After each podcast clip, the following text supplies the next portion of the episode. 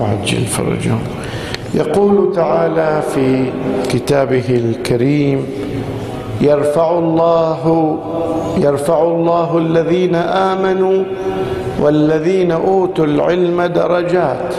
والله بما تعملون خبير.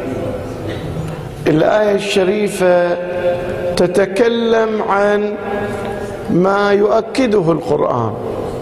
إن للجنة درجات. وهناك من طموحه طموحه يكون أن يكون في أعلى عليين. وفي النار دركات. وهناك من بسوء اختياره يؤخذ إلى أسفل سافلين. الآن المؤمن همه ليس أن يدخل الجنة فقط. همه أن يرقى في الجنان. ولهذا عليه أن يتصفح في القرآن وفي السنة عما يأخذه إلى أعلى الدرجات. الآية واحدة من النصوص التي توضح ما له مدخلية في الوصول إلى أعلى الدرجات. يقول تعالى يرفع الله الذين آمنوا اولا الإيمان. بقدر مستوى الإيمان يرتفع الإنسان في الجنة. ثم قال والذين أوتوا العلم. فاذا الإيمان يأخذ بالإنسان إلى أعلى الدرجات والعلم أيضا. العلم واحد يقول هو عمل واحد يتكسب المعلومة. فالإيمان يدعو إلى العمل. ليش أفرد العلم؟ طبعا حتى العمل الصالح يرفعه يرفع بصاحبه ويرفع بإيمانه. لكن الآية تريد أن تؤكد على تأثير العلم. يعني العمل الصالح واحد منا العلم تحصيل العلم. لكن لأن له مدخلية كبيرة صار يذكر منفصلا. فهناك مؤمن ليس لديه العلم الكافي. وهناك من جمع الإيمان والعلم فأصبح أعلى مرتبة من غيره. والله بما تعملون خبير. مطلع على أعمالكم على تعلمكم يأخذكم إلى أعلى الدرجات. وهو القائل هل يستوي الذين يعلمون والذين لا يعلمون؟ لا يستويان ابدا. فمن يريد أن يرتقي في الجنان فليزدد علما يوما بعد يوم. أمير المؤمنين له رواية يتفاضل الناس بالعلوم والعقول لا بالأموال والأصول. أنت ود من هذا اصله من عائلة الفلاني. يقول هذه عند الناس اللي اللي مضيعين البوصلة. مو شفتون ذاك قاعد في مسجد النبي يحدث الناس بأنساب العرب. قال النبي علم لا يضر جهل. هذا من يجهل هالعلم؟ ما يتأثر. لا بيرقب بها العلم على درجات ولا شيء. فهناك من يتفاضل بالمال والأصول عرقآري وغيره. أمير المؤمنين يشير إلى التفاضل الحقيقي التفاضل الحقيقي بالعلوم والعقول. يقول لي يا أمير المؤمنين الله يقول أكرمكم ها? إن أكرمكم عند الله. وأنت تقول علوم وعقول غير الآية؟ لأن التقوى إنما تحصل بالعلم والعقل. كلما زكى العقل وكبر وكلما ازداد العلم كلما ازدادت التقوى. إن شاء الله وش يقول في القرآن؟ إنما يخشى الله من عباده من اللي يخشونه؟ العلماء اللي يعرف عظمة الله أو شيء من عظمة الله تأتيه التقوى والخشية وما إلى ذلك. إذا الإنسان حتى يرقى يحتاج أن يزداد معرفة.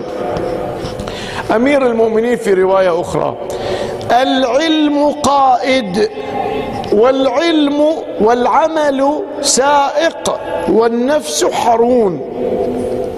فهمتون معنى الرواية؟ خدنا ترى مو أنا اللي أشرح لكم دائما أفهمها من أول مرة. بعد أروح أشوف وش معنى الكلمات. يعني حالي حالكم بس الفرق إن أنا أحضر تحرصوني أحضر لكم. إيه. فإذا ما فهمنا لا يعني عادي أنا واحد منكم. شوف حبيبي في فرق بين قائد وسائق. اللي يقود الناقة غير اللي يسوقها. شلون يعني؟ اللي يقودها جاي قدامها وياخذها. قدام. أما اللي يسوقها من وراء يدفعها. فالقيادة من الأمام والسياقة من الخلف يسوق. يوم القيامة يوم المساق لا إلى الله. ها؟ الآيات متعددة تتكلم عن أن تساق الأنفس هناك. شنو الآية شريفة ها؟ وسيق الذين كفروا. بعد في آية أخرى. سائق وشهيد. يعني واحد يسوقه وواحد يشهد بأعمالها الملائكة. فإحنا في القرآن عندنا يدزونا للمحشر دز لأننا خايفين. ما نبي نروح أعمالنا نعرفها. الرواية تقول العلم قائد. يعني هو الذي يأخذ بك إلى الأمام إلى الطريق الصحيح والعلم يرفع يأخذ النفس. النفس حرون الحرون هو الفرس اللي ما يقبل يتحرك. راكب عليه صاحبه بيحركه مو راضي. فالنفس لو خلي خليت لما تقدمت خطوة إلى الأعلى. ما تتعالى ما ترقى إلى الدرجات. هي النفس أمارة بتاخذنا إلى أسفل السافلين. فإذا صاحبها يريد ياخذها إلى الأمام ما تقبل. فيضطر أن يستزيد علما وعملا. فهنا ينور له الطريق عقله وعلمه والعمل يرفعه ويأخذه إلى أعلى الدرجات. إذا إحنا بحاجة إلى العلم. بعد عن رسول الله صلى الله عليه وآله. ما استرذله استرذل يعني جعله من الأراذل. ما استرذل الله تعالى عبدا إلا حضر عليه العلم والأدب. اللي الله ما شاف مو صالح أن يرقى شاف مختار أن ما يرقى حرم من العلم لأن العلم طريق الخروج من الرذالة إلى الفضيلة إلى الرقي إلى أعلى الدرجات. وفي رواية أخرى عن رسول الله صلى الله عليه وآله إذا أتى علي يوم لا أزداد فيه علما يقربني إلى الله تعالى. شوف النبي فسر العلم باللي يقرب إلى الله. فلا بورك لي في طلوع شمس ذلك اليوم. يوم اللي أنا ما أستزيد علم هذا يوم نحس ما في بركة. هذا النبي صلى الله عليه وآله. أختم برواية من جاءته منيته وهو يطلب العلم فبينه وبين الأنبياء درجة. وما قال شهادة لأن العالم في رواية فوق الشهيد بدرجة. العالم ومداد العلم العلماء أفضل من دماء الشهداء. إحنا الآن مو همنا نصير طلاب علم بمعنى أروح النجف وأروح قم وأتخصص. أنا رجال كسبي عندي عائلة عندي كذا. المهم أن أخلف اهتمامي وثقافتي.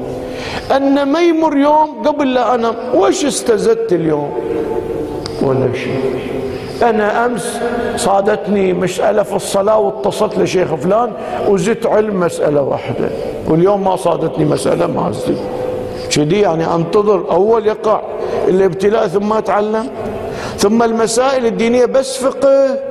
هذا بس اللي يرفع إلى الدرجات. ما أتكلم عن عظمة الله عن عالم الآخرة عن شيء. اليوم إحنا مو معذورين.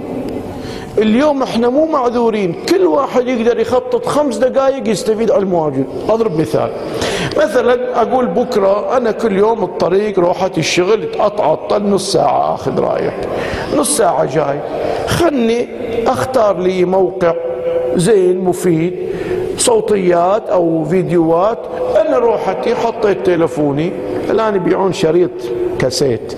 تحطه في التلفون واير ماله وتخليه مسجل سيارة. تسمع من تلفونك ها؟ دينارين. إذا ما قصوا علي يعني. ناس يقولون أرخص. تخلي في التلفون وتخلي في المسجل وتسمع إلا تريد من محاضرة. موجود في التلفون في المواقع الإلكترونية. أرتب لي الليلة باكر وش أسمع في طريقي.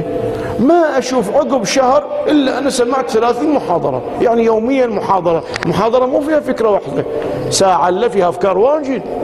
فتخيل روحك يعني هاي مخطط أن تستثمر وقتك. كم تستفيد؟ إحنا نقدر. بس تخطيط بسيط وإرادة. وإذا بنا نكسب عمرنا ما نخسره.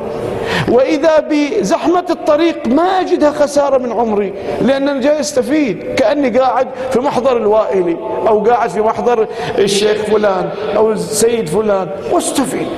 فيهدأ نفسي ما أشعر بالقهر عطلتني إشارة ما عطلتني. فإذا يمكن لأعمارنا أن تبارك وتكون أبرك مما لو كانت بلا علم ومن خلال توظيف الوسائل المتاحة اليوم للاستزادة في العلم. وفقنا الله لذلك. أستغفر الله لي ولكم والحمد لله رب العالمين. وصلى الله على محمد وآله الطاهرين